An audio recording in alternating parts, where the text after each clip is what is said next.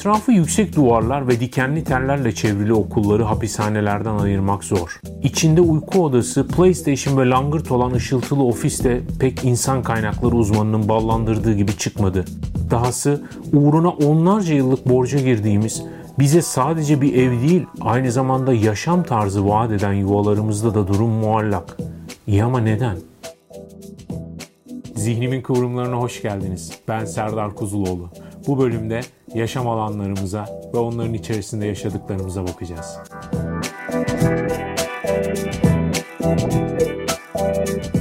Sekizinci bölümden hepinize merhaba. Bu bölüm e, bazılarınız için pek bir şey ifade etmemiş olabilir. Yani en azından başlığından, yaşam alanından kastımız ne, neden böyle bir şey konu ediniyoruz. Öncelikle onun bir açıklamasını yapayım. Yaşam alanından kastımız esasında yaşamımızı sürdürdüğümüz hem fiziki alanlar hem de ileride değineceğimiz dijital alanlar. Yani alanlar, bizi belirleyen, sınırlayan, tanımlayan alanlar bir parçada esasında bizim belirlediğimiz, sınırladığımız ve tanımladığımız yani Önce biz araçlarımıza şekil veriyoruz, sonra onlar bize şekil veriyorlar. O hesapla önce biz alanlarımızı belirliyoruz, sonra alanlar bizleri belirliyor ve bu alan kavramının gündelik hayatımızda dünya ölçeğindeki en geniş ortak paydası da yaşam alanlarımız. Yani bazılarımız için evlerimiz, çadırlarımız, karavanlarımız, teknelerimiz, kırlarımız, bayırlarımız, parklardaki banklarımız her neyse kafamızı koyduğumuz yer veya kendimizi tanımladığımız ve hissettiğimiz yer orası bizim alanımız oluyor. Tabii ki teknolojide, dijital dünyada sosyal medya hesaplarımız, sitelerimiz, dijital varlıklarımız, profil bilgilerimiz vesaire birçok alan tanımımız var. Ama bu bölümde işin o tarafına hiç girmeyeceğiz. Onları hep ileriye öteliyoruz. Öncelikle bu bizim dijital alandaki çabamızı tanımlayan fiziksel dünyadaki güdülerimize bakıyoruz. E, fotoğraflarınızı yollamaya devam ediyorsunuz. Sağ olun. Teşekkür ediyorum. Bakıyorum hepsine. E, bir değişiklik yok. Keyifler yerinde. E, ben ne kadar e, zahmet çekiyorsam bu yayının öncesinde ön hazırlığı için, kaydı için, bunun sonrasında kurgusu için gecenin kör karanlıklarına kadar e, izleyenler de tam aksine keyifle seyrediyorlar. Bu da beni çok mutlu ediyor. Çok güzel yorumlar geliyor. Hem e, şey eleştiri anlamında çok güzel yorumlar geliyor. Hem de destekleme anlamında. E, böyle birkaç negatif yıkıcı yorum da olmuyor diye. Onlar da işin tabii ki tuzu biberi. Bizim işlerin vazgeçilmezi. Bu yayını 16 Mart saat 4.30 civarlarında yapıyorum. Yani yine bir koronavirüs sebepli sokağa çıkma yasağıyla yaşadığımız bir dönemdeyiz. Ee, şehrimiz suskun, sessiz, evlerine kapanmış durumda aynen benim gibi. Ben de henüz daha dışarı çıkmış değilim. Hala evdeyim. Herhalde 60 günü geçmiştir. Ee, ve sorun yok. Bölümde olduğu gibi başlarken hemen bir kullandığım kaynaklara bakalım. Bunların hepsini mserdarkar.com adresindeki blogumda linkleriyle paylaşıyorum. YouTube'da linkleriyle paylaşıyorum. Ancak fark ediyorum ki e, podcast yani sesli podcast platformlarında açıklama kısmında link vermemizi istemiyorlar. Podcast bölümünden çıkmamızı istemiyorlar sanıyorum. Dolayısıyla bunlara linkleriyle ulaşmak isterseniz ve blogumdan ya da YouTube'dan beni takip etmiyor iseniz e, orada linklerini de bulabilirsiniz. E, bir kısmı masamda, bir kısmını bulamadım. Notlarımdan okuyacağım size. Kütüphanede bir yerlerde bu hummalı bir kütüphane düzenleme dönemindeyim. Yerleri değişiyor dolayısıyla. Şimdi hızlıca geçelim. Maya kitaptan David Edmonds ve Nigel Warburton'un yazdığı, e, kaleme aldığı felsefe muhabbetleri. Tabi bunun bir de bir üst başlığı var. 25 miydi? Evet 25 ilginç konu üzerine 25 konuda e, filozofla felsefe muhabbetleri çok Güzel, eğlenceli bir kitap. Benim çok sevdiğim, çok nasiplendiğim e, Rıfat Ne Bali. Rıfat Bali diyelim hatta ona e, iletişim yayınlarından çıkan tarzı hayattan lifestyle'a ve alt başlığı yeni seçkinler, yeni mekanlar, yeni yaşamlar. E, bu bendeki 2002 birinci baskısı. Ozan Sağ Söz'den e, tarih ve kültür sohbetlerinde Cengiz Özdemir'le programlarından Medyascope'da bilebilirsiniz, tanıyabilirsiniz kendisini. Aynı zamanda bir e, İbni Haldun tutkunu. Meftun'u kendisi araştırmaları tezi onun üzerine.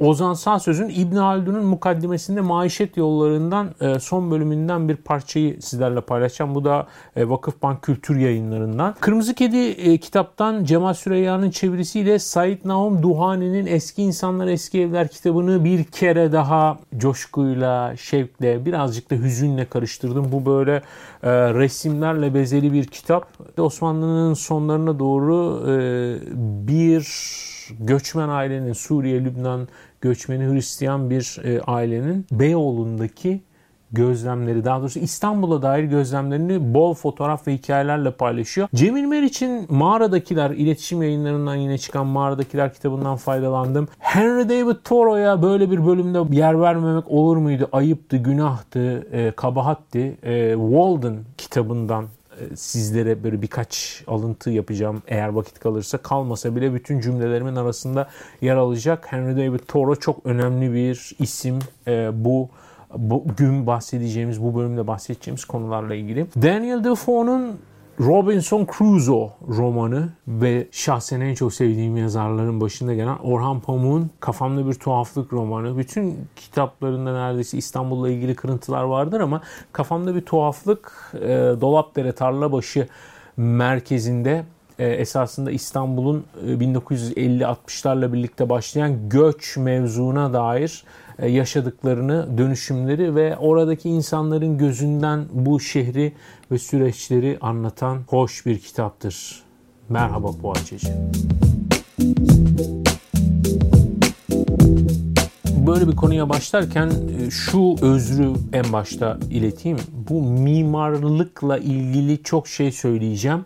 Haddim olmadan. Haddim olmama meselesi Bununla ilgili sadece bazılarının konuşabilme yetkisinin olması değil elbette.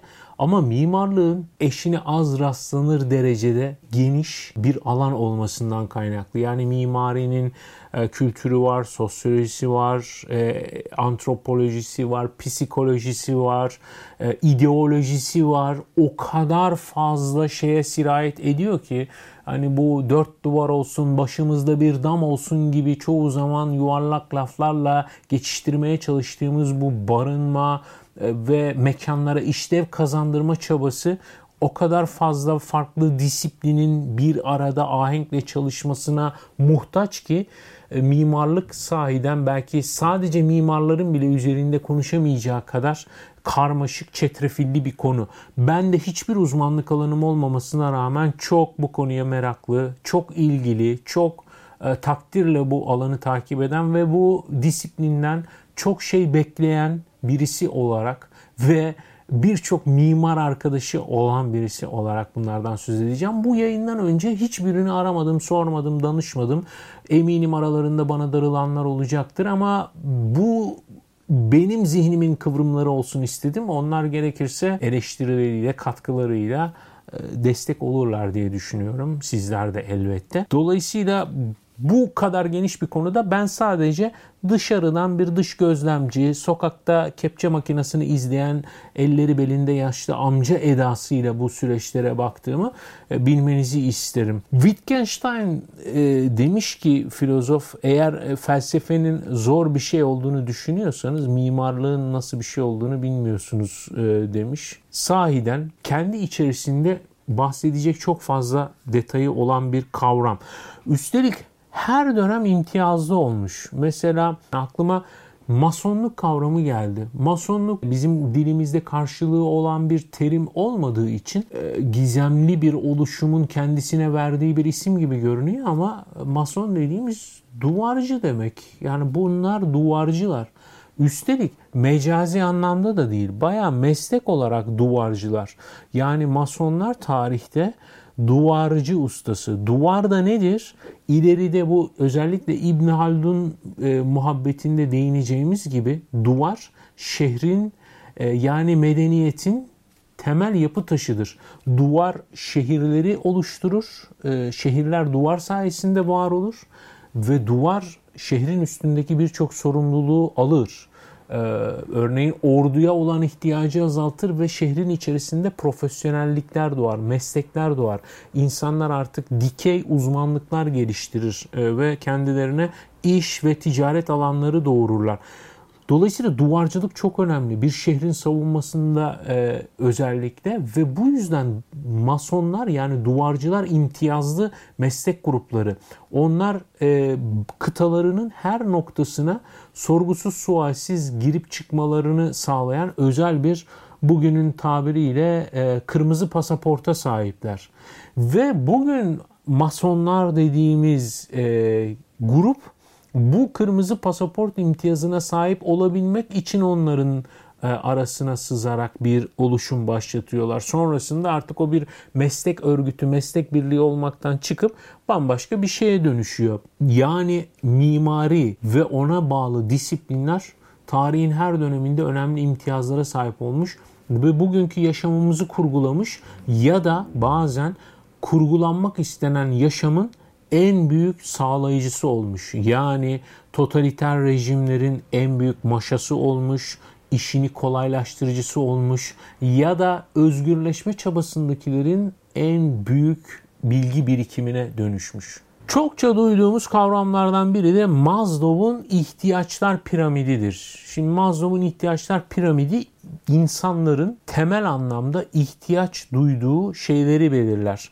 barınma ihtiyacıyla başlar. Barınma. Yani işte barınma, giyinme, yeme, içme, e, dışkılama, cinsellik. İnsanın en temel, en e, tırnak içerisinde hayvani duyguları üzerine kuruludur.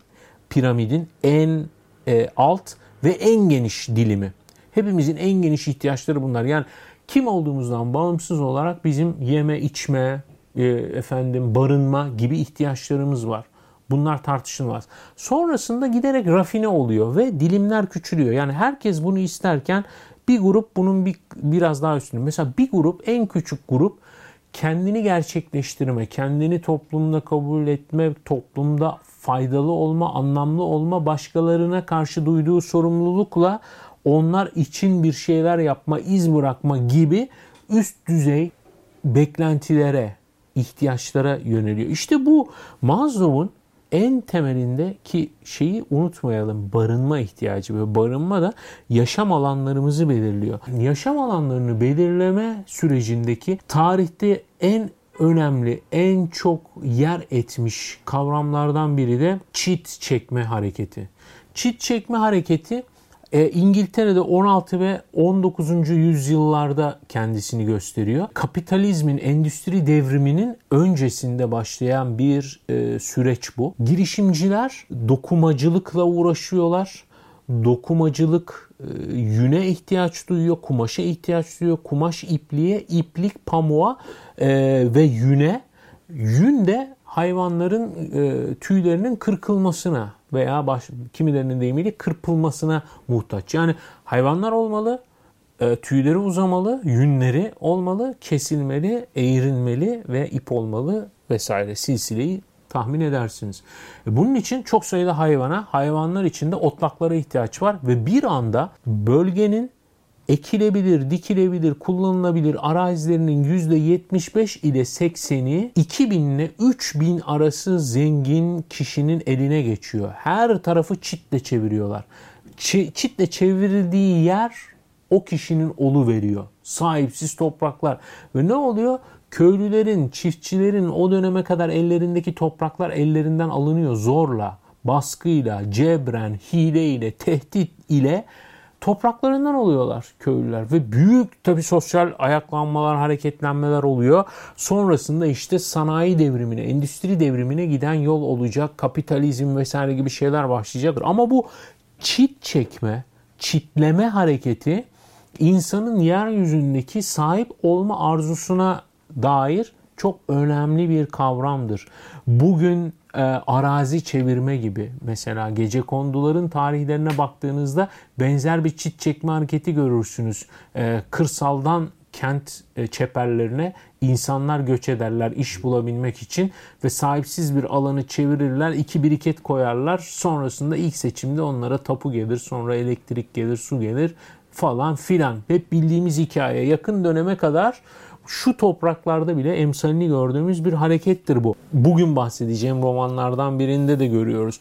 Robinson Crusoe'nun, Daniel Defoe'nun romanı Robinson Crusoe. Nedir efendim Robinson Crusoe? Bu, bu arada çok adlarını andık ama anmadan da e, geçmek mümkün değil. E, Medyascope altında yayınlanan kültür ve tarih sohbetlerinin e, bir bölümünde e, Ali Şimşek Robinson Crusoe romanı ile ilgili çok güzel bir çözümleme yaptı. Bunun da linkini ben paylaşacağım açıklamalar kısmında. Mutlaka izlemenizi tavsiye ederim.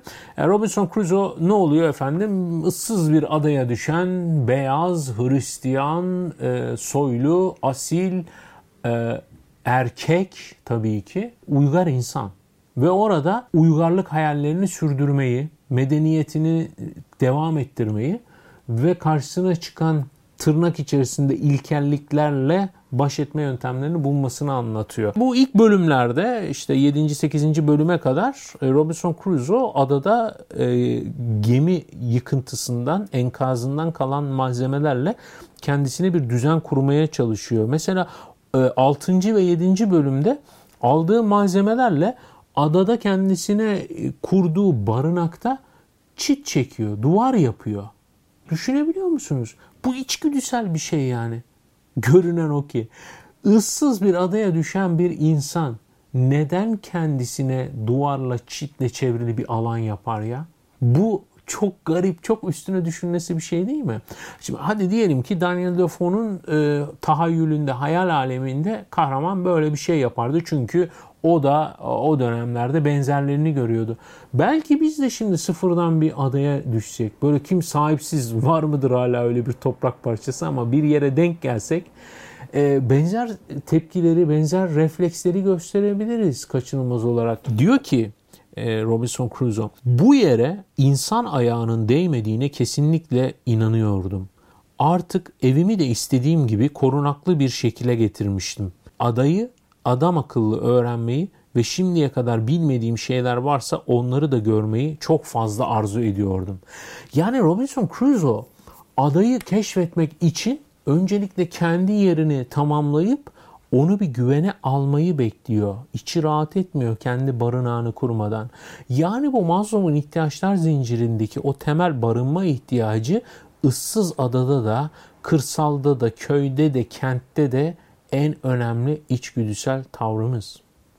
Ve bir yandan da bu tabii hükmetme ihtiyacından da doğuyor. Yani insanın mekana hükmedebilme çabası da var. Bunu sadece barınma, e, işte ihtiyaca yönelik bir şeyler inşa etme çabası gibi görmek de yanıltıcı olabilir bizler için. Mesela bahçe kavramı var. Bahçe nedir? Bahçe insanın doğaya olan isyanıdır. Doğa der ki burada işte gül bitecek, papatya açacak, e, yaban otu olacak, e, çam ağacı bilmem ne olacak. İnsan der ki hayır burada e, menekşe çıkacak, burada kasımpatı olacak, e, burada yaban otu olmayacak, burada bilmem ne olacak diye kendine ait bir düzen şart koşar. Ve bu yüzden doğayla mücadele eder. Botanik bahçeleri böyledir mesela. Botanik bahçesi insanın bir şekilde e, hayvanat bahçesi mantığıyla bitki bahçesi yaratma çabasıdır. Kategorik olarak efendim işte coğrafi bölgelere ait olarak bilimsel düsturlardan yola çıkarak hayvanat bahçesi de böyle bir şeydir. Doğasından kopartılmış hayvanlar kendileri için hapishaneden bile daha kötü şartlara sahip yapay minyatür bir doğal ortam içerisinde hayatlarını sürdürürler. Ne uğruna? Onların yaşadıkları yerleri gidip görebilme fırsatı olmayan insanların düşük bir bedel karşılığında onları tanıma, bilme, onlara maruz kalma eğlencesi uğruna. Tabii ki mekan tasarımında e, e, önemli kavramlardan birisi ihtiyaçların da ötesinde kimi zaman ve hatta çoğu zaman bu evlerden ibadethanelere kadar değişmez. Etkileme arzusu yani insanların etrafındakileri etkileme, görkemle, ihtişamla, lüks ile, konfor ile, sıra dışılık ile etkileme arzusu da var. Mesela bunun en eski örneklerini saraylarda ve ibadethanelerde görüyoruz. Saraylar neden o kadar e, emsalsizdir? Neden bütün saraylar e, kendi devletlerinden bu kadar kopuktur, sakildir? Yani en görkemli saraylar her zaman en sefil ülkelerde olur. Bir ülkenin sarayı ne kadar görkemli ise e, halkı ve yaşam şartları o kadar sefildir. E, çok gelişmiş bir ülkede çok gelişmiş, çok e, şatafatlı, görkemli saraylar görmezsiniz. Eğer bugün gördükleriniz varsa da o bahsettiğim halkın sefil yaşadığı dönemlerden kalma saraylardır çoğunlukla. Benzer şeyler ibadethanelerde de vardır mesela. İbadethaneler her zaman görkemli inşa edilmişlerdir. Neden? Dinin görkeme ihtiyacı olduğundan mı? Tanrıların acaba e, bu görkem olmadan kendisini ifade edememesinden dolayı mı? Hiçbir kutsal kitap ibadethanelerini tanımlamamıştır mesela. Ama hepsi onu daha görkemli hale getirmek için çabalamıştır. Ve kilise de özellikle ki e, bu felsefe muhabbetlerinde e, Edmund ve Warburton'un kitabında e, Alain de Botton'un o pasajına değineceğim. Kilise de Hristiyanlıkta çok önemli bir kırılıma yol açmıştır. Protestanlık ve Katoliklik. Yani protestanlar şunu sormuşlardır. Biz buraya dua etmeye geliyoruz. bu şatafata ne gerek var? Bunu kim talep ediyor? Allah mı talep ediyor, cemaat mi talep ediyor? Değil mi düşünüldüğünde? Veya İslami mimaride bakıldığında örneğin bu camilerin kubbe tasarımı bildiğiniz gibi kiliselerden alınmış bir kavramdır. E, yani geleneksel cami mimarisinde olan şeyler değildir. Daha sonrasında işte bu Roma, Bizans e, katedralleri, kiliselerinden de çokça etkilenilerek e, özellikle İstanbul'un fethinin ardından mimari yavaş yavaş bu kilise mimarisiyle hibrit bir hale gelmiş. Tabii bu mimari e, çabanın ve disiplinin kaçınılmaz bir sonucu da tek tipleşme. Yani insanlar kendi yaşam alanlarına sahip olduğu hissine kapılırken özellikle modern dünyada hepimiz başkalarının bizim adımıza uygun gördüğü ve tasarladığı yapılarda hayatlarımızı sürdürüyoruz. Yani muhtemelen beni dinleyenlerin %99.99999'u kendi tasarlayıp inşa ettiği bir evde yaşamıyor böyle bir şeyi çok daha fazla oranda bir kitlenin arzu ettiğine eminim. Ama bu ayrıcalığa, bu imtiyaza çok azımız sahip olabiliyoruz. Dahası çoğumuz evlerde bile oturmuyoruz. Çoğumuz simetrik birbirinin böyle e, kopyala yapıştır mantığında Minecraft'taki bir yapı mantığında küp küp düzenlendiği bir örnek apartman dairelerinde yaşıyoruz. Üstelik öyle ki bu apartman dairelerinin içerisinde tadilat yapmamız bile bazen apartman yönetimi, bazen kanunlar, e, bazen de e, kendi vicdanımız tarafından engelleniyor. Yani bizim için uygun görüleni bir ömür yaşamak zorundayız ve çoğunlukla bizim için öngörülen, uygun görülen ne bizim için uygun oluyor ne de keyif verici oluyor.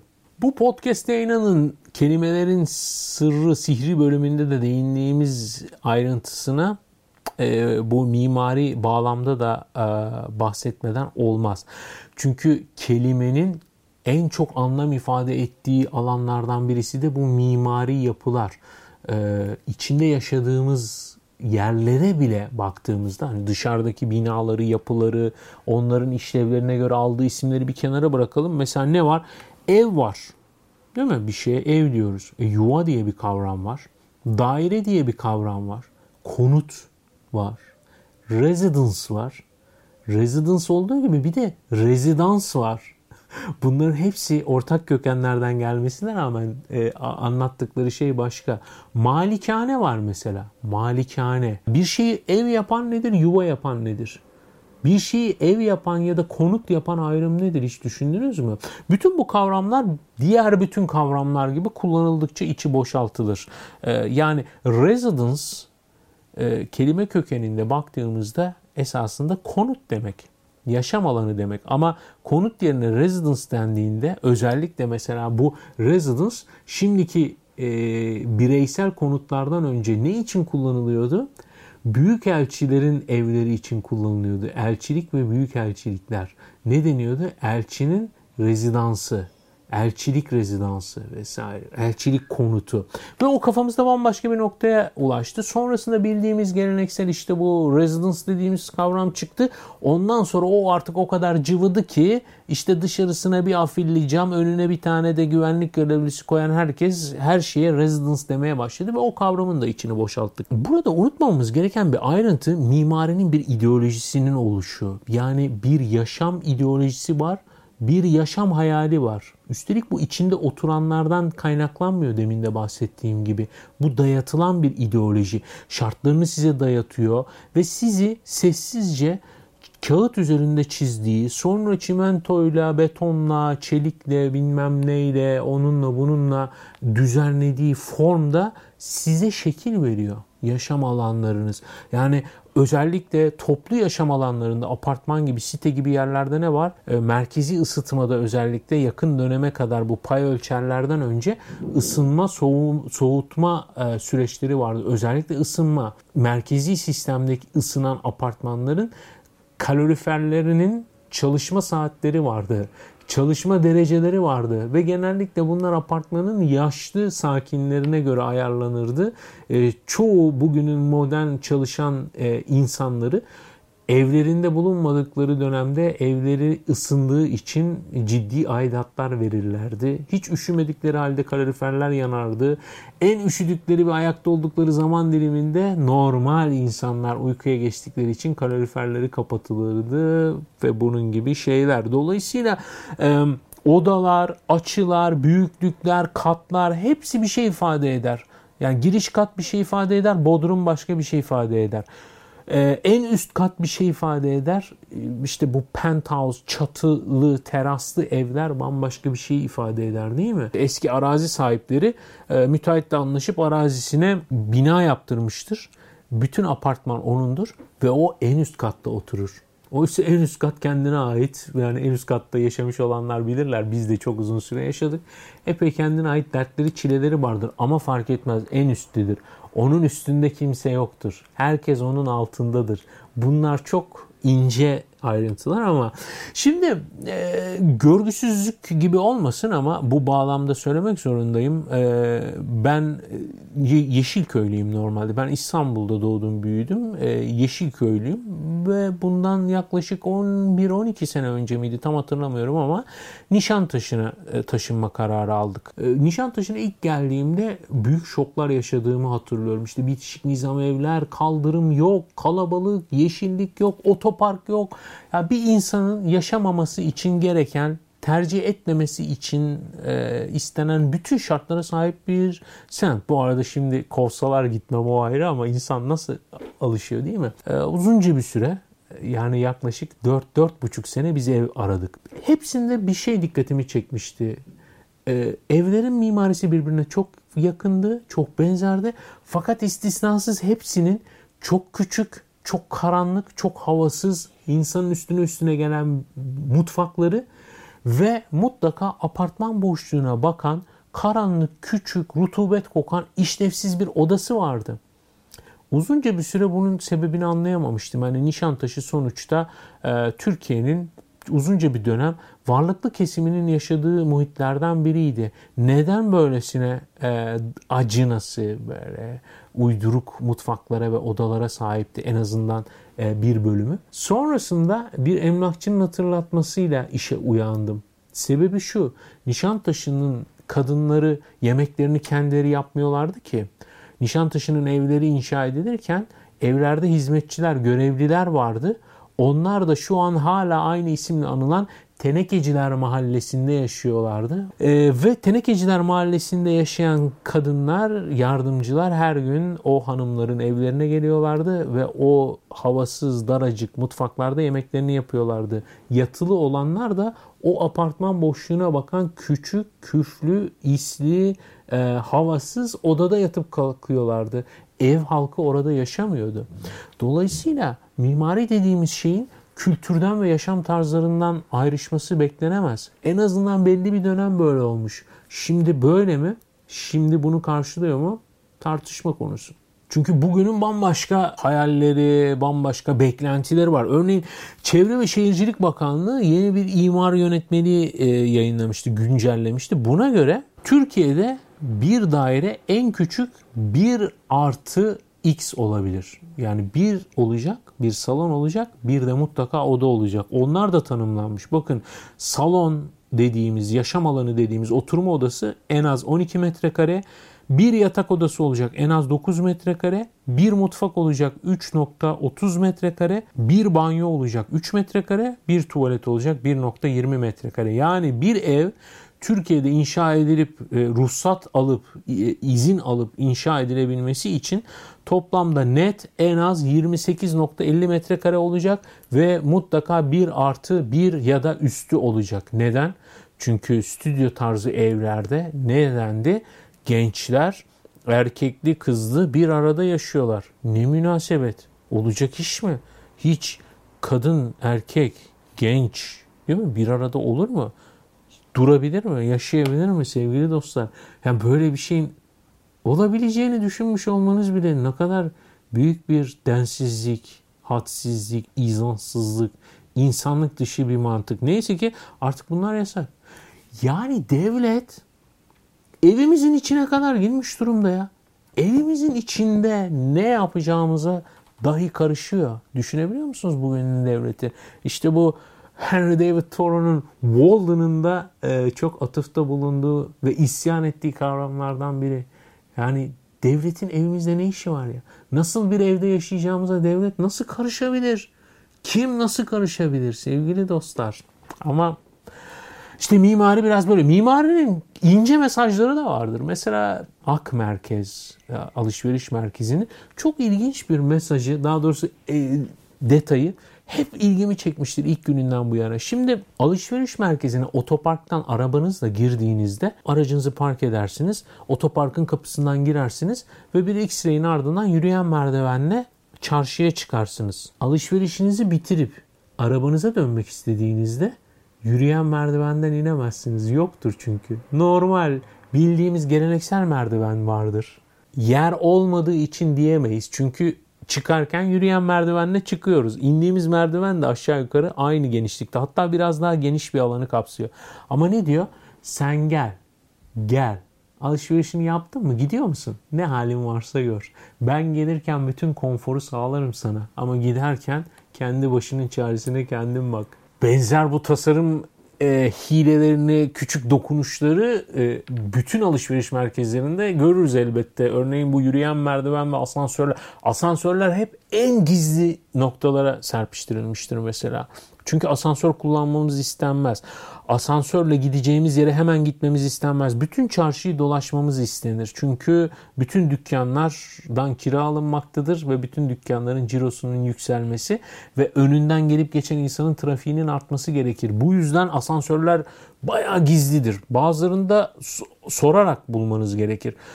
Ve yürüyen merdivenler asla işinizi hızlı yapabileceğiniz şekilde değildir. Hatta büyük bir kısmında yürüyen merdivenlerden buradan çıkarsınız. E, bir üst kata çıkan yürüyen merdiven de buradadır. Yani buradan çıkarsınız, bütün bu yolu yürürsünüz, sonra çıkarsınız. Sonra bütün o yolu yürürsünüz, yukarı çıkarsınız. Bütün katları mümkün olduğunca gezmeniz istenir. Bu fikrin çok daha yüksek zeka içeren formlarını kumarhanelerde ya da daha modern ismiyle kasinolarda görürsünüz. Kasinolarda sürekli bol oksijenli hava vardır. Sürekli belli belirsiz bir müzik vardır. Asla ve asla saat yoktur. Saati bilmeniz istenmez. Asla ve asla içerideki ışık düzeni değişmez. Gece mi gündüz mü kaç saat oldu siz gireri bilmezsiniz. Çok kolay girersiniz genişçe bir kapıdan. Girdikten sonra içerinin o koridorları ve makine dizilimleri öylesine yerleştirilmiştir ki öyle elinizi kolunuzu sallayarak çıkamazsınız. Mutlaka gözünüz aklınız bir şeylere yansır çeler kaçınılmaz olarak.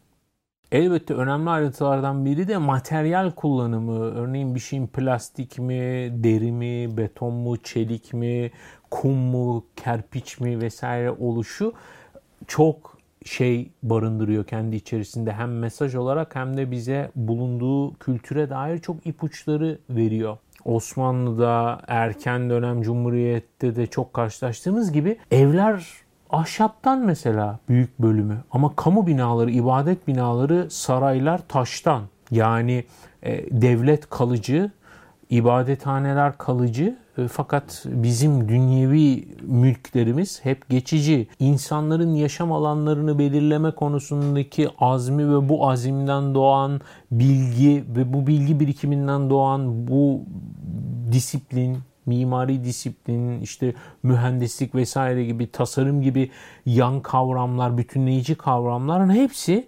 bir zekanın ürünü. Fakat bu zekanın ne için kullanıldığı da çok önemli. Örneğin bugün en yaratıcı, en vaatkar mimari tasarımların hep zenginler ve servet için çalıştığını görüyoruz. Mutlaka onlar için de bir çaba var ancak mimari zeka bugün enerjisinin en büyük kısmını cebinde en çok parası olana harcıyor. Oysa mimari zekaya en çok ihtiyaç duyan kesim dar gelirli kesim.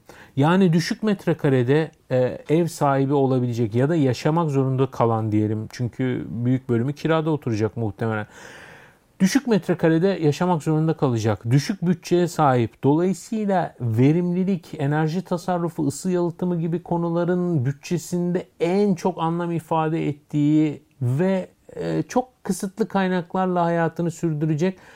Dolayısıyla en küçük optimizasyonun, en küçük tasarrufun kendisi için çok şey ifade ettiği dar gelirli için bugünün mimari anlayışının ürettiği çok az şey var ne acıdır ki. Ve yaşam alanları işte böyle evlerden e, başlayarak e, mahalleler, köyler, kasabalar, şehirler vesaire inşa ediyor. Ve bu metropol dediğimiz e, milyonluk şehirler, büyük şehirler artık insanların bir aradaki kurduğu yaşam düzeninin e, ve yaşama alanlarının nirvanası ideal anlamda olmasa bile teknik anlamda ulaşabileceği sınırları gösteriyor ve bu neyi getiriyor? İnsanın insandan nefretini getiriyor değil mi? İnsanlar sosyal varlıklar e, evlerine kapandıklarında hemen dışarı çıkası geliyor hepsinin üstüne üstüne basıyor o yuva yuva diye koşup içine girdikleri evler belli bir süre sonra. Fakat insanın insana tahammülü de yok. E, dolayısıyla şehir yaşamı, şehrin yaşam alanları sürekli olarak bir kurallar silsilesi. Mesela ne diyor?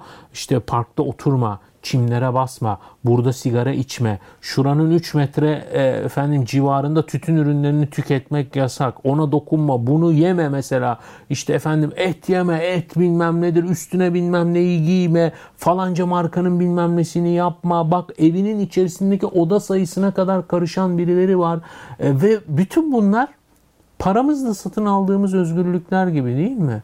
Mesela hepsine sahip oluyoruz bir anlamda ama sahip de olamıyoruz. İşte bütün bunlardan yılan isimlerden biri yani be, bezen anlamında yılan isimlerden biri. Henry David Thoreau. Henry David Thoreau e, bir şair, bir e, yazar, çok üretken de bir yazar aynı zamanda ve düşünür. İdeolojik anlamda bazı üst başlıkları da var. Örneğin vergi karşıtı, transandantalist yani aşkıncı ve e, sivil itaatsizlik kavramının da ikonlarından birisi. Henry David Thoreau 1800'lü yıllarda Amerika'nın daha böyle kapitalizmle, bugünkü anlamıyla kapitalizmle tam tanışmadığı dönemlerde olayların nereye gitmekte olduğunu fark ederek bir çelişkide buluyor. Diyor ki ya bu insanlar köleliği savunuyor, e, vergi alıyor, saçma sapan şeylere harcıyor. Devlet her şeye karışmaya başladı. Bu ne biçim bir hayat? Ben bunları reddediyorum diyor. Ben böyle bir e, devleti ve hükümeti desteklemeyeceğim diyor. Bu arada Henry David Thoreau kimilerinin algıladığı ve iddia ettiği şekilde bir anarşist değil asla. Henry David Thoreau kendi söyleminde de hep şeyi diyor. Ben asla hükümeti reddetmedim. E, hükümeti gereksiz görmedim. Daha iyi bir hükümetin arayışındaydım hep diyor. Neyse Henry David Thoreau sonra alıyor başını Walden Gölü'nün e, kendi yaşadığı yerin yakınında Walden Gölü'nün orada kendisine bir kulübe inşa ediyor ve gözlemlerini yazıyor. Bir insanın doğayla tekrar tanışması, onu keşfetme çabası, kendi kendine yetebilme konusundaki acziyeti ve medeniyetle kopartmak istese de arasındaki o kopartılmaz bağı işleyen muhteşem bir kitap. Ben bu kitabı bu bölümü buraya kadar izleyen, dolayısıyla bu işlere meraklı olan herkes okumalı. Bendeki e, Zeppelin kitabın 3. baskısı Ekim 2017 Türkçe'ye de Aykut Örküp çevirmiş. 79. sayfasındaki alıntı aslında kitabı da çok güzel özetliyor. Diyor ki kedere bir övgü yazmak değil niyetim. Sadece seher vaktinde tüneyinde dikilen bir horoz gibi kuvvetle ötüp komşularımı uyandırmak istiyorum diyor. Ve uyandırıyor da komşularını. Henry David Thoreau'nun e, bu hareketi, bu sivil itaatsizlik hareketi, bu sessiz ve kişisel protestosu Amerika'daki zenci hareketinin öncü isimlerinden Martin Luther King başta olmak üzere Hindistan'ın İngiltere'den bağımsızlığını kazanmasındaki önemli rolüyle bilinen Gandhi'ye kadar birçoklarına ilham kaynağı oluyor. Ve bütün bunlar işte kendine ait insanın bir yaşam alanı, yaşam e, habitat, ekosistem kurma çabasının yansımaları. Tabii bir de bu yaşam alanlarımızın mekan hafızası var. Yani biz aslında kendimize mekan hafızası, tarihi bellek de oluşturuyoruz. Nasıl ki bir ağaç kesildiğinde, yıkıldığında içerisindeki halkalarıyla, dışındaki kabuğuyla, üstündeki böcek ve kuş yuvalarıyla bize bütün yaşadığı her şeyi detaylarıyla anlatır. Kaç yıldır orada, işte ne ağacı, ne yapmış, ne görmüş, ne etmiş, bütün hepsini anlatır. Hatta bir dönem insanların ağaçlarla daha aşırı neşir olduğu dönemlerde insanlar aşklarını ağaçların kabuklarına kazırlardı ceplerinde taşıdıkları çakılarla. Bir sürü böyle kalp işa kalp simgesi içinde baş harfler, mahlaslar görürdünüz. Yani bizim toplumsal belleğimiz de evlerimiz de öyle, apartmanlarımız da öyle. Bununla ilgili mesela işte bu açılışta bahsettiğim bu e, Said Naum Duhani'nin Eski İnsanlar Eski Evler kitabı e, Kırmızı Kedi e, yayınlarından çıkan çok çok önemli bilgiler içeriyor. Çünkü İstanbul dediğimiz yerin ne mutlu ki tarihi eser kapsamında olduğundan yıkılamayan yerlerinin hikayelerini anlatıyor bize. Ve belki de şu şehirde yaşamış en egzantrik ve en acıklı hikayeye sahip e, birisinin e, ağzından ve notlarından, gözlemlerinden çok tavsiye ettiğim bir e, kitap. Çünkü bu işte toplumsal bellek dediğimiz şeyin ne olduğunu bize hatırlatıyor. Yani biz kentsel dönüşümle, onunla bununla daha büyük bir ev vaadiyle ya da hevesiyle yıktığımız her binada, e, orasını burasını eğip büktüğümüz her yapıda belleğimizden bir şeyler kaybediyoruz. Dünyada zaman zaman tekrar popülerleşen bir akım var. Örneğin babalar, anneler ve çocukları çocukluklarında çektirdikleri fotoğrafları aynı yere giderek aynı şekilde tekrar çekiyorlar. Ve bakıyorsunuz işte çocuk bu kadarmış, babası bu kadarmış. Sonra zaman geçmiş, babası bu kadar kalmış, çocuk bu kadar olmuş. Babası çocuğa dönüşmüş ya da annesi. Bakıyorsunuz hüzünleniyorsunuz. Vay be hayat işte böyle bir şey diyorsunuz. Yani birbirlerine benziyorlar, andırıyorlar eski halleriyle ama birisi çok yaşlanmış, birisi bambaşka bir insan olmuş. Fakat dikkatimizi çeken bir başka konu da fonları değişmiyor çoğunun. Yani bugün kaçınız doğup büyüdüğünüz apartmanın önünde gidip fotoğraf çektirebilirsiniz? Beni izleyenlere soruyorum. Benim hala yanlış hatırlamıyorsam bu şansım var mı? Galiba var diye hatırlıyorum ama çok azımız için geçerli bu. Hepimiz büyük bir yıkıp yeniden yapma derdinde. Yık yeniden yap, yık yeniden yap. Çünkü yaşam alanlarımız bizim için bellek değil. Bizim için bu ülke vatan değil, vatan toprağı değil. Bu ülke bizler için arazi. Bu ülke bizim için imar payı. Yani bizim için kutsal şehitlerin kanıyla sulanmış vatan toprağı yok. İmar izinleri var ve onun arttırılması gerekiyorsa yok yere tapumuzun olması için dert çekiyoruz. Burada çoğumuzun derdi bir belleği yaşatmak değil. Çoğumuzun bu vatanla ilgili herhangi bir aşkı sevdası yok. Ormanına, vadisine, işte parkına, bahçesine, apartmanına, yurduna, üniversitesine böyle bir aidiyetimiz yok. Bizim tek beklentimiz vatandan rant. Paramız olsun, para kazanalım değil mi? Bir toprağımız olsun, vatanımız olsun ki arazimiz olsun mantığındayız.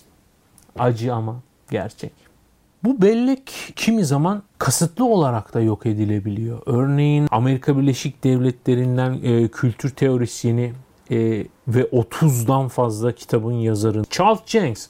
Charles Jenks e, Amerika'nın St. Louis kentinde 1950'lerde inşa edilen toplu konut yapılarının dinamitlerle patlatılarak yıkılmasının e, modernizmin sonu olduğunu ifade eder.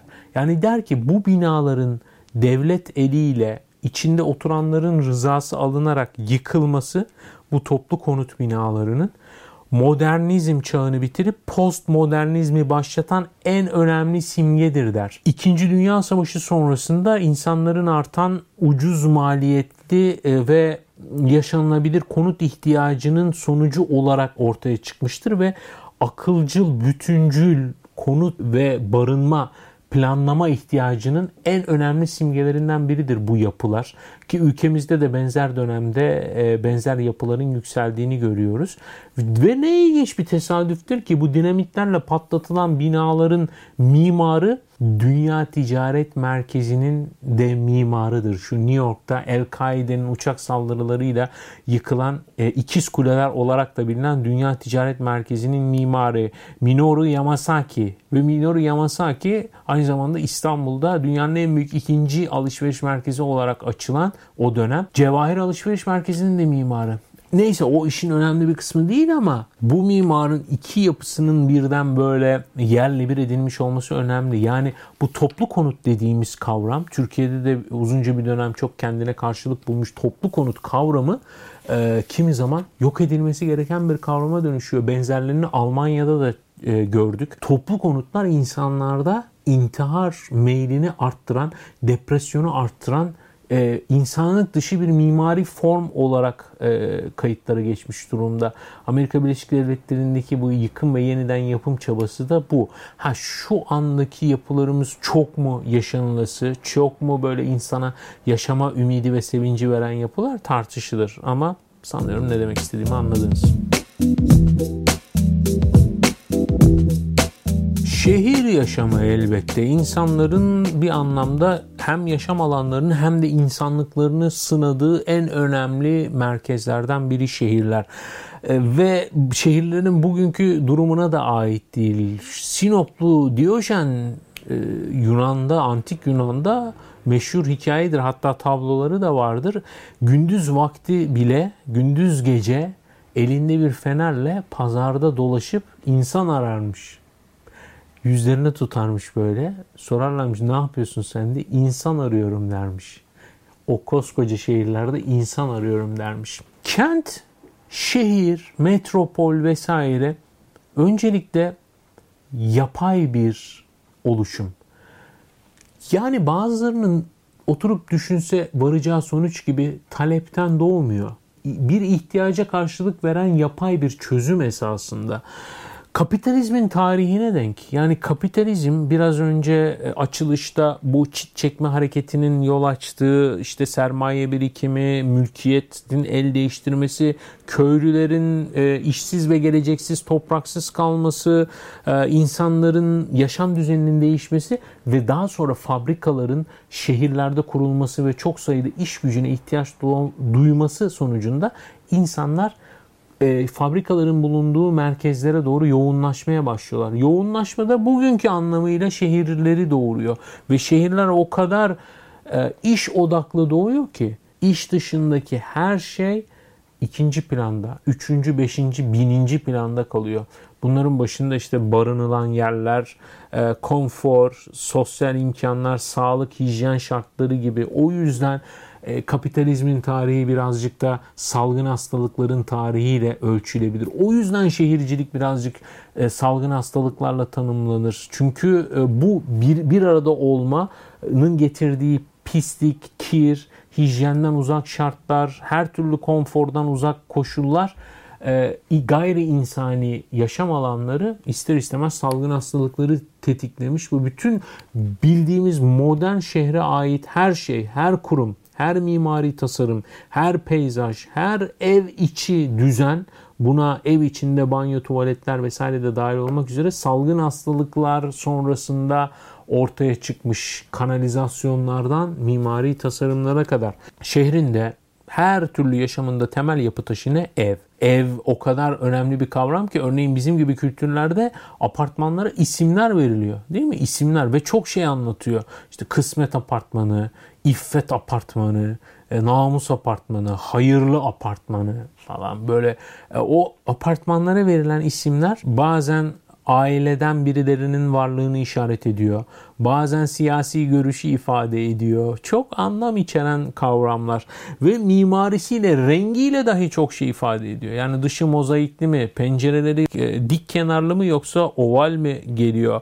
Dışı mozaikli mi yoksa ne bileyim işte bambaşka bir kaplama mı? Girişi nasıl vesaire gibi bir sürü detay esasında o içinde yaşayan veya onu yaptıranlar hakkında çok fazla fikir veriyor bize. Ve şehir elbette ne? Şehir bir uyum çabası. Yani bir ahenk. Şehir milyonlarca birbiriyle akrabalık bağı, din bağı, dil bağı bulunmayan insanların bir aradalığı. Yani şehir yaşamı senin gibi olmayanlarla paylaştığın bir coğrafyayı temsil ediyor. Kırsalda, köy yaşamında, küçük e, yerleşim birimlerinde bundan söz etmek pek mümkün değildir. Genelde, genelde Herkes aynı millettendir, aynı dili konuşur, aynı dindendir hatta. Ama şehirde bu böyle değildir. Şehirde kim kime dumdumadır. Şehirde çok az insan birbirini tanımaktadır nüfusuyla düşündüğümüzde. Tehlikeli kavramlardan birisi de şehir yaşamındaki tahammüldür. Bu demin bahsettiğim farklı dillerden, farklı dinlerden, farklı dünya görüşlerinden, farklı cinsel kimliklerden insanlarla bir arada yaşayabilmeye tahammül denmez apartmanda da şehirde de hangi ölçekte olursa olsun bu bir paylaşımdır. Çünkü tahammül bir kibir içerir içerisinde. Ne münasebet ya? Yani benimle aynı dili konuşmayan insana tahammül ediyorum ne demek? Yok ne olacaktı? Ya bu işte modern yaşamın zihnimizde yarattığı e, zehirlerden, kirlenmelerden birisi. Biz kimseye tahammül etmiyoruz. Biz saygı duyuyoruz ve saygı duyulmak isteniyor, istiyoruz. Çok önemli kilit bir şehir kültürü. Kimse kimseye tahammül etmiyor. Herkes herkese saygı duyuyor ve herkes herkesten saygı bekliyor. Şehrin sırrı bu kadar bir şey aslında. Şehirlerin, ülkelerin tabii gelişmişi gelişmemişi var malum. Hepsini bir kefede düşünmek çok anlamlı olmaz ama bu gelişmişlik ve gelişmemişliği tanımlayan en önemli belirleyici senin ona mı uyum sağladın, onun mu sana uyum sağladığıdır. Yani gelişmiş bir şehirde, gelişmiş bir yaşam düzeninde insanlar oranın şartlarına uyar gelişmemiş, geri kalmış da herkes kendi kuralını dayatabilir, kullanabilir. Yani kendi bildiği şekilde evini yapar, kendi bildiği şekilde yaşar, kendi bildiği şekilde yer, içer, giyinir, kuşanır. Ama modern gelişmiş bir şehrin kendi kuralları, kendi prensipleri, kendi usulü, adabı, erkanı vardır. Değil mi? Geçen bölümde de bahsettiğimiz gibi. Tabii bütün bu tartışmada özellikle Türkiye'de 1950-60'larda İstanbul, Ankara, İzmir gibi büyük şehirlerin yaşadığı iç göç dalgasıyla e, karşılaşılan, yaşanan bazı durumlarda önemli. Yani kentler gelişmemiş toplumlarda sahipsiz arazilerin sahiplenilmesiyle oluşur ve büyür. Türkiye'de de e, yaşadığımız düzen birazcık bu olmuştur. Mesela kamu malı ve özel mülk arasındaki algı farkı da bunu temsil eder. Kamu malı ile özel mülk arasındaki fark bazı mesela bazı ülkelerde kamu malı hepimizin malı anlamına gelir. Ama bazı ülkelerde kamu malı hiç kimsenin malı anlamına gelir. Bir şey hepimizin malı olarak görülürse herkes ona minimum özeni gösterir. Bir şey kimsesiz ise zihnimizde herkes onu hor kullanma hakkına sahiptir. Bu kamu malı arazi içinde böyledir, tuvalet içinde böyledir. Halka açık tuvaletleri kimsenin sahibi olmadığı kimsesiz tuvaletler olarak görürseniz korkunç şekilde kullanırsınız. Hepimizin ortak tuvaleti olarak adlandırır ve algılarsanız çok başka bir şekilde kullanırsınız. Bundan sonra karşınıza çıkan şeyleri değerlendirirken bunu aklınızda tutun lütfen. Dolayısıyla şehirleri ve kırsal kesimi e, yani bu İbn Haldun'un e, muhabbetindeki bu hadarilik, bedevilik ayrımındaki durumu sadece nüfusla açıklayamayız. Çok önemli bir kültür nosyonu da var içerisinde. Burada Doğan Kuba'nın bir yazısı aklıma geliyor. Ondan bir alıntı yapacağım. Tamamının linkini de paylaşacağım notlarda sizinle. Diyor ki Doğan Kuban İstanbul'u kastederek nüfusun üçte birini barındıran bir şehirde kültür olmaz. Sadece kurnazlık ve itiş kakış olur diyor. Çok önemli ve çok açıklayıcı bir kavram. Yani bu kadar kalabalık, bu kadar büyük ölçekteki bir şehirde itiş kakıştan, kurnazlıktan, insanın insanlığını kaybetmesinden başka bir şey beklemek çok iyi niyetli bir şey olurdu. Radikal Gazetesi'ndeyken bir yazı dizisi yapmıştık. Radikal Gazetesi o dönemler Doğan Media Center adlı binadaydı. Bugünkü adı Demirören Media Center. Bu yayını dinlediğiniz zaman da tekrar kim bilir adı ne olacak. E, neyse Bağcılar'dadır. Matbaacılar sitesinin yanındadır. Ee, ve Bağcılar'da Türkiye'nin göçten ve bu plansız yapılaşmadan en çok nasibini almış semtlerinden, bölgelerinden biridir. Ben de e, galiba ne kadar 20 yıla yakın bir süre o semtte çalıştım, gözlemler yaptım vesaire. Orada bir yazı dizisi yapmıştık. Radikal Gazetesi'nde yayınlanan ve o yazı dizisinde şu ortaya çıkmıştı. E, burnumuzun dibindeki evlerdeki birçoğu bitişik nizam ve neredeyse bazıları cam cama böyle elini uzatsanız diğer apartmanın camına değecek kadar bitişik nizamdaki evler çoğunun içerisinde yaşayan kız çocuklarının kemik erimesi ve vitaminsizlik sorunları baş göstermişti. Çünkü o aileleri tarafından okula gönderilmiyorlardı ve dışarı çıkmalarına da izin verilmiyordu. Ve bitişik nizam evler yüzünden güneş alamadıkları için hastalanmaya başlamışlardı. Güneşsizlikten, vitaminsizlikten, depresif hallere gelmeye başlamışlardı intihara meyil gözlemleniyordu. Kim bilir sonrasında ne oldu? Tabi bu çok uzun bir zaman önce yaptığımız bir çalışmaydı. Ama Bağcılar'ın da o insanların da çok fazla değiştiğini söyleyemeyiz. Dolayısıyla mimari bazen işte aynen coğrafya gibi kaderlerimizi belirleyen kavramlardan biri haline geliyor. Bizi kendi şartlarımızın içerisine daha kalın, daha güçlü prangalarla hapsediyor. Ve tabii şehrin bu belirsizliğin içerisinde e, en büyük beklentilerimizden birisi de ne oluyor? Güvenlik kavramı oluyor. Güvenli olmak istiyoruz. Bize sürekli bu e, pazarlanıyor. Daha güvenli ortamlar, daha güvenli işte alışveriş merkezlerinden mesela güvenlik kontrolünden geçerek gidiyoruz alışveriş merkezlerine. Dışarıda bir arada yaşayan insanların alışveriş merkezlerinde bir arada olmasına yönelik bazı ön şartlar var.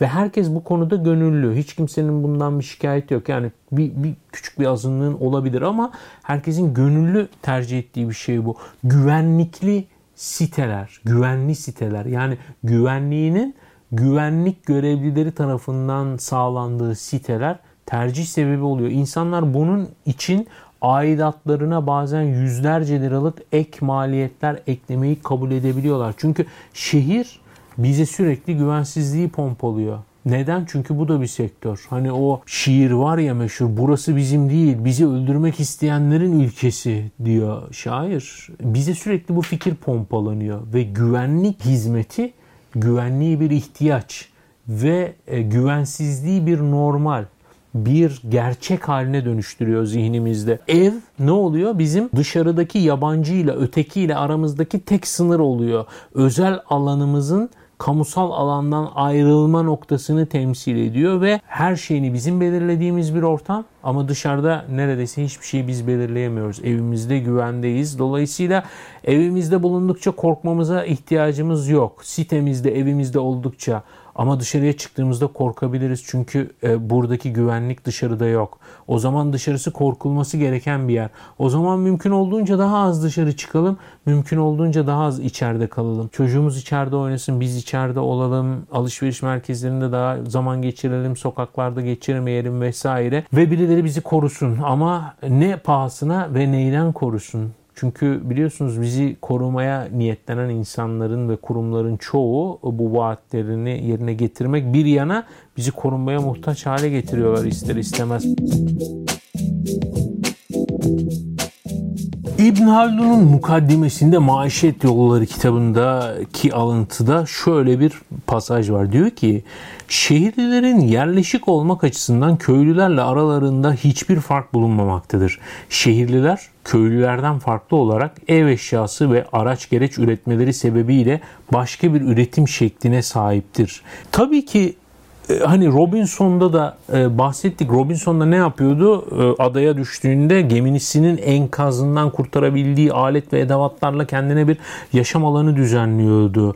Max Stirner der ki bir insan ne ise eşyayı da öyle kullanır. Sen dünyaya nasıl bakarsan dünya da sana öyle bakar diyor. Yine Henry David Thoreau diyor ki insan kendi saadetinin, kendi mutluluğunun mimarıdır diyor. Dolayısıyla bu önceki bölümlerden birinde bahsettiğimiz mutluluk kavramı bizim bu inşa etmeye çalıştığımız düzen içerisinde çok önemli bir paya sahip. Neden? Çünkü yaşam alanlarımız giderek daralıyor ve bize ayrılan yaşam alanları içerisindeki beklentilerimiz artıyor.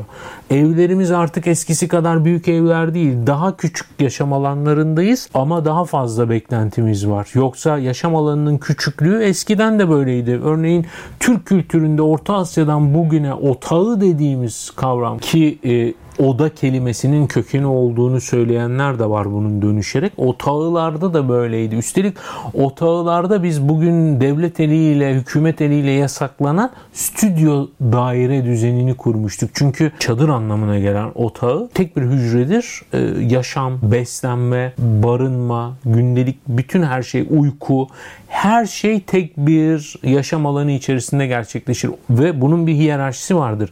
Yani kimse otağı da e, kafasına göre bir düzen kurmaz. Otağının sağında ne duracak, solunda ne duracak, kapısına yakın kim oturacak, sol arkada kim oturacak bunların hepsi tanımlanmıştır kültürel kodlarla baktığımızda. Ama eski ev ve yaşamlara baktığımızda daha biraz daha çağdaş, daha bugünlere yakın, daha Osmanlı e, yaşam alanlarına baktığımızda o geleneksel Türk evi mimarisinde en dikkati çeken konulardan biri gereksiz hiçbir şey olmaması. Türk evinde gereksiz hiçbir şey yok. Her şey bir işleme sahip. Yani bu kadar pragmatist e, mimari düzen de aslında çok rastlanılan bir şey olmasa gerek. Her şeyin bir işlevi var. Hiçbir şey anlamsız manasız değil. Öyle ki kapılardaki tokmaklar bile. Şimdi geleneksel Türk mimarisinin dış kapı tokmakları iki tanedir. Ee, bundan sonra bilmiyorsanız dikkat ederseniz tabii öyle hala tarihi e, tokmaklı kapı bulabilirseniz bir kırsal kesimde iki farklı tokmak göreceksiniz. Birisi büyüktür, birisi küçüktür. Bu çalan kişinin cinsiyetini temsil eder çünkü. Eğer gelen bir erkekse büyük tokmağı çalar. Gelen bir kadınsa küçük tokmağı çalar. Böylelikle kapıyı kimin açacağı bilinir. Bir erkek çalıyorsa kapıyı kadın açmaz. Evin erkeği gider açar. Veya kadın bir erkeğin çaldığını bilirse yazmasını başına geçirir. Bilmem üstüne başına çeki düzen verir. Her neyse işte anladınız. Ee, ama bir kadın çaldığında da gidip erkek kapıyı açmaz. Evin hanımı gider açar vesaire. Bunu kapı tokmaklarıyla belirlemiş mesela Türk insanı. Mesela mahremiyet algısının ipuçlarını da orada görürüz. Avlu dediğimiz kavram çok önemlidir değil mi? Evin dış cephesinde e, giriş kat genellikle bu işte hayvanlara vesaire ayrılmış alandır. E, ortada bir avlu vardır. Üst kat yaşam alanıdır ve üst kat mümkünse e, genellikle avluya bakan hayat denilen bugün bir iç veranda, iç teras, iç balkon gibi düşüneceğimiz mimari yapıları içerir. Dışarıya bakan pencereler pek yoktur ve o pencerelerde mahremiyet gereği e, kafeslenmiş ya da tüllenmiş durumdadır. Dışarıdan içerisi görünmesin ama içeriden dışarısına bakılabilsin, görülebilsin diye. Yani yaşam evlerin içerisinde geçer ve avluya dönüktür. Bugünkü anlamıyla balkonlarımız dışa dönük yapılar Cumhuriyet ve sonrasında esasında yaygınlığını kazanmışlardır. İnsan elinin yetişemeyeceği yükseklikte pek bir şeyler bulunmuyor. Örneğin yatak odalarının içerisinde abdest almaya yönelik küçük bir banyo bulunuyor dolapların yanında ne abdesti? Gusül abdesti, boy abdesti. Çünkü halvet olacak, cenabet yatağa girmesin diye orada su dökünecek. Niye banyoya gitmiyor? Çünkü banyo dediğimiz kavram bugünkü gibi değil.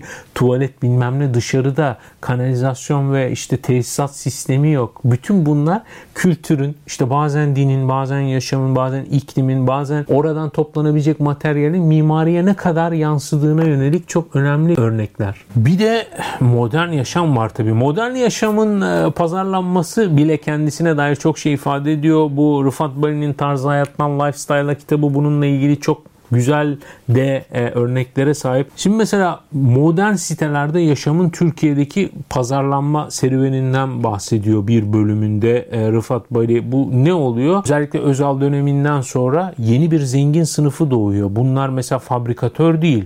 E, hatta bazılarının işletmeleri bile yok. Örneğin borsa zengini bunlar. Efendim bunlar diyelim ki üst düzey yöneticiler. Daha önceden pek adı sanı olmayan yeni bir zengin zümre doğuyor ve bunlar sayıca çok fazlalar. İş adamlarından falan daha fazlalar ve okudukları yabancı ülkelerdeki gibi bir yaşam istiyorlar. Filmlerde, dizilerde seyrettikleri gibi şeylerin hayalini kuruyorlar ve bunlara yönelik de hemen Türk e, müteahhitlik endüstrisi, inşaat endüstrisi sektörü karşılıklar veriyor ve bunlara çok ilginç pazarlama teknikleri uygulanıyor. Mesela basın toplantılarında ünlü kişiler, şarkıcılar, gazeteciler gazeteciler, kanaat önderleri çağrılıyor ve müstakbel komşularınız diye tanıtılıyor. Örneğin o dönemin Emlak Kredi Bankası Genel Müdürü e, Engin Civan'ın Mustafa Süzer'le birlikte yaptığı Bahçeşehir projesi ile ilgili şöyle bir demeci var. Diyor ki konutların bir bölümü ülkenin krem döle kremlerine bedava ya da maliyetine verilecekti. Sanatçılardan iş adamlarına, gazetecilerden politikacılara kadar uzanan bu seçkin isimlerin oluşturacağı çekim merkezi sayesinde satışlar patlayacaktır. Bu öneriye Emlak Bankası temsilcisi Mahmut Okutan küçük de olsa bir kar marjı koyalım şeklinde itiraz edince %10'luk bir kar marjıyla bu isimlere satış yapılmasına karar verildi. Ne ilginç değil mi? Yani aslında cebinde en çok parası olanlar en düşük fiyata evleri alıyorlar. Neden? Cebinde az parası olup borca girecekler daha fazla ev alabilsinler diye. Ah bu kapitalizm böyle bir şey işte. Dolayısıyla o insanlara başka bir dünyaya adım atacağı hissettiriyor. Yani diyor ki işte sen buraya geldiğinde bak bu şarkıcıyla, bu gazeteciyle, bu televizyoncuyla aynı yerde yaşayacaksın. Arkadaşlarına bunun cakasını satabileceksin diyor. Ve şöyle tanımlıyor Rıfat böyle bu kesimi. Çoğu zaman üst düzey yönetici veya serbest meslek sahibi olan bu genç çiftler sosyal düzeylerine uygun bir yaşam tarzı sürmek istedi ve lüks konut arayışına girdi diyor. Tabi bu lüks konut arayışında ne giriyor? İşte acar kentler, Kemer Country'ler, Alkent İstanbullular, Türkiye'de İstanbul'da yaşayanların çok aşina olduğu yerler. Mesela İshak Alaton Alkent e, Bahçeşehir e, sitesi için şöyle diyor. Alkent diye bir site kurduk biliyorsunuz. Biz orada daire satmadık. İddiamız yaşam satmaktı diyor. Ve bakın nasıl tanıtılıyor Kemer Country. Doğa içinde medeni bir mahalle yaratabilir miyiz? İstanbulluya İstanbul'u geri verebilir miyiz? Aidiyet duygusunu yeniden alevlendirebilir miyiz? İşte buyurun diyor size Kemer Country. Tabii bir de sitelerin cemaatleşmesi konusu var. Ya bu kitapta da değinilen yani sitenin sakinlerinin seçkin ve belirli bir refah düzeyinin üstündeki kişiler olmasına dikkat ediliyor o dönem. Yani öyle ipini koparan gelmesin. Burası seçkinlerin yeri olsun ki prim yapsın, talep edilsin vesaire. Yani bir statü farkı yaratılmak istenmiş öncelikle bu kozmopolit yapıdan. Şehir çok keşmekeş, kim kime dumduma iti kopuyla bir aradasın ama bizim sitemize geldiğinde hep hayalini kurduğun bir dünyanın içinde ve hep birlikte olmak istediğin insanların arasındasın. Peki bu Türklerin icadı mı? Elbette değil. Örneğin Amerika Birleşik Devletleri başta olmak üzere birçok e, büyük şehirde site ve kooperatif yönetimleri vardır. Özellikle lüks binaların, konutların yönetim kurulu vardır. Ee, bazen bizzat orada oturanlardan oluşan, bazen de profesyonel şirketlerin yönettiği. Orada ev kiralamak ya da satın almak isteyecekleri değerlendirirler. Örneğin New York şehrinde e, Central Park'a bakan bir evi satın almak istediğinde Madonna apartmanın yönetim kurulu tarafından reddedilmiş ve o evde oturamamıştı. Apartmanın yönetim kurulu apartmanın değerlerini temsil ettiği iddiasıyla içeride kimin oturup oturamayacağını, kimin ev kiralayabileceğini hatta satın alabileceğini belirleyebiliyor. Buna karar verebiliyor. Yani paranızın olması dahi hatta şöhretiniz, uluslararası şöhretiniz dahi bazen bazı şeylere sahip olmanızı mümkün kılamıyor bugünün düzeninde. Ve bu da bir kimlik inşası işte. Bu da bir ayrı değerleme politikası. Hani düşünsenize bir evde oturuyorsunuz ve arkadaşlarınıza diyorsunuz ki geçenlerde Madonna bizim apartmana taşınmak istedi ama izin vermedik ya da vermediler Düşün Madonna'nın dahi oturamadığı bir apartmanda oturuyorsun. Madonna olsan oturamazsın bu apartmanda. Ne enteresan pazarlama taktikleri değil mi? Bir yandan huzurun inşası, bir yandan bir kimlik inşası, bir yandan da bir pazarlama taktiği. Veya benzer bir örnek de yakın dönemde epey beyin göçü verdiğimiz Almanya'ya gidenlerin bloglarında, sosyal medya paylaşımlarında karşımıza çıkıyor. Almanya'da ev tutmak, satın almak öyle mi bilmiyorum ama ev kiralamak epey zahmetli bir süreç. Öncelikle bir dosya hazırlıyorsunuz kendiniz hakkında. Kimsiniz, nesiniz, ne iş yaparsınız, kaç paralık adamsınız, kadınsınız, ne kadar süre bunu ödeyebilirsiniz, ödeyebilir misiniz falan. Ev sahibi sizi uygun görürse evini gezdirmeyi uygun gördüğü gün sizi çağırıyor ve siz 20, 30, 50 kişiyle artık ne kadar popülerse o ev o gün o evi geziyorsunuz. Sonrasında mülakata giriyorsunuz ev sahibiyle. Ev sahibi sahibi bakıyor dosyanızı açın falan filan sizi seçiyor. İşin bir diğer tarafında da tam vahşi bölümü var. Kısa bir süre ziyaret etme imkanı bulduğum iki ülke Hong Kong ve Dubai'de iki dehşet verici örneğine denk gelmiştim. Şimdi Hong Kong'da bazen kafes ev bazen mezar ev denilen iki ev türü var. Bunlar gerçekten bazıları mezar bazıları kafes. Kafes evler evlerin iç alanlarının ranzavari şekilde kafeslerle ve baya kümes kafesi gibi kafeslerle bölündüğü ortamlar. Şu an beni video olarak izleyenler ekranda görüyor. Ee, sesli olarak dinleyenler de başka bir zaman diliminde e, bu video versiyonuna bakabilirler ya da Hong Kong mezar evler, kafes evler diye aramalar yapabilirler. Şimdi bu evler mevcut bölümlerin bölünmesiyle oluşuyor. Bir buçuk en fazla iki metrekarelik alan. Ev diyorum bakın yatak demiyorum. Yani bunlar ev. E, yatıyorsunuz, yattığınız yer, yaşadığınız yer, kitap okuduğunuz yer, yemek yediğiniz yer. Yani bu dünyada sahip olduğunuz yer o bir buçuk iki metrekare. Ve fiyatları ne? Bakın bir buçuk metrelik e, bu kafes evlerin ortalama kirası aylık 200 dolar civarında Hong Kong'da. Düşünebiliyor musunuz? Hong Kong'da paranız dahi olsa o kadar küçük evlerde yaşıyorsunuz ki bizim eski mimaride yüksek tavanlı evlerde yüklük denen bir şey vardı. Hatırlar mısınız bilmiyorum. Kapıların üstündeki kapı ve tavan arasındaki boşluğa bir üst dolap yerleştirilirdi. Ona yüklük denirdi mesela. En azından bizde öyle denirdi. O yük yüklük kısmı yerlerde insanlar yatıyorlar. Yani evinin içerisinde hangi alanı nasıl bölebilirlerse diye. Dubai'yi birkaç defa ziyaret etme imkanı buldum. Bir keresinde toplu taşıma kullanalım diye bir aptalca fikre kapıldım ve toplu taşıma bizi yol, yol yordan bilmediğimizden dolayı e, Dubai'deki köle işçilerin çalıştığı şehir dışındaki, şehir çeperindeki gettolara götürdü. Ve bu gettolarda konteynerda yaşayan insanları gördük. Bir kısmı kaçak, yasal olanların da pasaportuna el konulmuş devlet tarafından ve orada köle olarak çalışıyorlar. Çöl ikliminde konteynerde. Çöl iklimi şöyle bir şey. Gündüz cehennem sıcağı, gece kutup ayazı ve siz bir konteynerdasınız. Sürekli insanlık dışı şartlarda yaşıyorsunuz. Yani yaşam alanı kurgusunun bir Madonna'yı kabul etmeyen New York e, şehrindeki örnekleri ve onun küçük emsalleri Türkiye'deki e, kapalı site projeleri, yeni hayat formları vesaire bir yandan da işte bu insanlık dışı versiyonları var. Hangisine üzülelim, hangisine sevinelim düşünmek lazım. Ve tabi bunları düşünmek için epey bir vaktimiz de oldu. Çünkü bu karantina sebebiyle kapandığımız evlerimizde yuva diye bellediğimiz hatta çoğu zaman işte içine girebilmek için koşturduğumuz bu yaşam alanlarının o kadar da yaşanılası olmadığını fark ettik değil mi? Yani bu burası neden yaşam alanı olarak güzelmiş evlerimiz? Belirli bir süre içerisinde vakit geçirdiğimiz için o yüzden işte çoğumuzun böyle bitik anlandığı ilk fırsatta herkes kendisini sokaklara vurdu. Neden? Evinin rahatlığı var mı dışarıda? Evde her şey hazır, her şey emrine amade, her şey bizim kurallarımıza göre tasarlanmış, korunaklı, güvenceli, kimse bize karışmaz ama dışarıları özlüyoruz değil mi kaçınılmaz olarak? Bu dışarının cazibesiyle ilgili bir şey değil sadece evlerimizin ev gibi olmayışıyla da ilgili.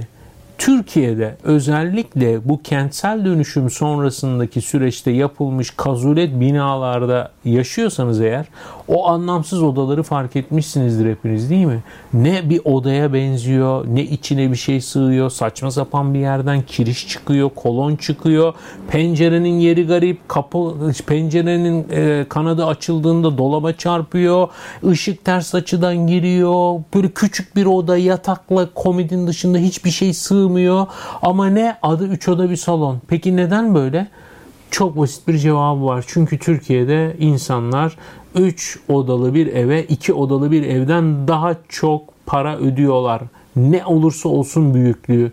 Dolayısıyla aslında iki oda bir salon olması ve böyle tasarlanması gereken mimari ve metrekaredeki evler 3 artı 1 yapılıyor. Arasına saçma sapan bir duvar örülerek ve ne oluyor? Siz 3 artı bir evde oturuyorum diyorsunuz. Hiçbir şekilde kullanımı olmayan bir ev sahibi olarak.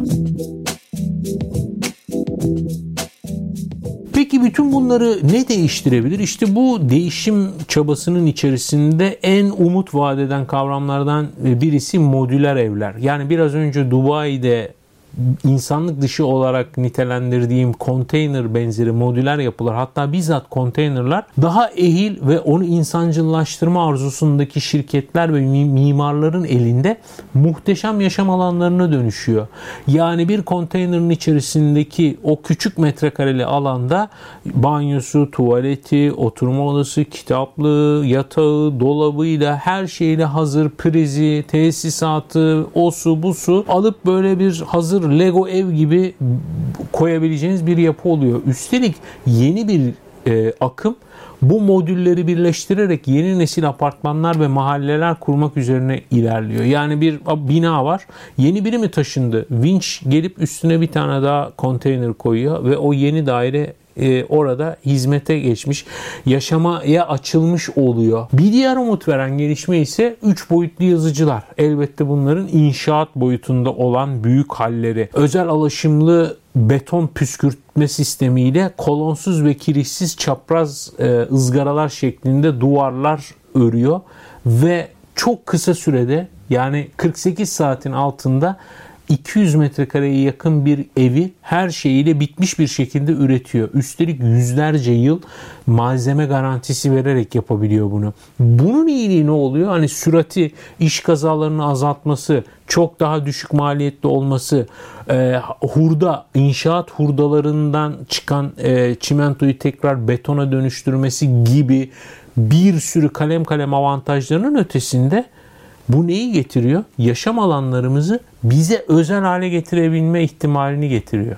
Yani bir apartman 40 daireli bir apartmanda 40 dairenin içi 40 farklı şekle göre yapılabiliyor. Ve gelelim sonuna. Dediğim gibi başta bu mimarlık insanın yaşamının hayal edilme ve inşa edilme süreçleri bunun ucu bucağı yok. Çok ilgili, çok meraklı olduğum, çok cahili olduğum bir konu. İçine daldıkça da bilgisizliğimle daha çok yüzleşiyorum. Bu yüzden mimarlara karşı içimde hep bir zaaf, bir e, özenti var, bir hayranlık var. Hepsini de buradan saygıyla selamlıyorum. Ve Türkiye gibi bir yerde şöylesine şartlarda bu mesleği yapma durumunda olan bütün o mimarlara da sabırlar diliyorum. Bu anlattıklarımı yeterli bulmayanlar için bazı ek kaynaklar da paylaşmak istiyorum ve bunları e, blogumda mserdarkan.com'da bu bölümle ilgili açıklamalarda linkleri yine paylaşacağım. YouTube'da da paylaşacağım. Siz beni başka bir yerden izliyor ya da dinliyorsanız e, orada da bir kontrol edin. En başta Garanti Bankası'nın İstanbul'da Karaköy'de Bankalar Caddesi'nde eski Osmanlı Bankası'nın genel müdürlük binasında e, hizmete açtığı SALT adlı bir kültür sanat girişimi var. SALT Salt Galata'da içerisinde muhteşem bir mimari kütüphane barındırıyor. Ortamı da harika Bu koronavirüs zamanında nedir durumu bilmiyorum. Açık mıdır, kapalı mıdır, nasıl kullanılıyordur ama güzel günler geri döndüğünde aklınızın bir kenarında lütfen bulunsun o İstanbul'a, Türkiye'ye bir armağan bence. Adını her ne kadar anamamış olsam da mutlaka bu programda değindiğim fikirlerimde ve zihnimin kıvrımlarında yer eden bir e, akademisyen mimar var. Sayın Hakkı Yırtıcı Gazete Duvar internet sitesinde düzenli yazılar yazıyor. Arşivini mutlaka taramanızı tavsiye ederim. Son derece farklı bakış açısıyla hem mimariye hem hayatımızı ışık tutuyor. Çok nasiplendiğim kaynaklardan biri. Bir diğer nasiplendiğim ve Twitter hesabımda da sanırım paylaşmıştım. E, TRT belgesel kanalı içinde yanlış hatırlamıyorsam hazırlanan İz Düşün belgeseli.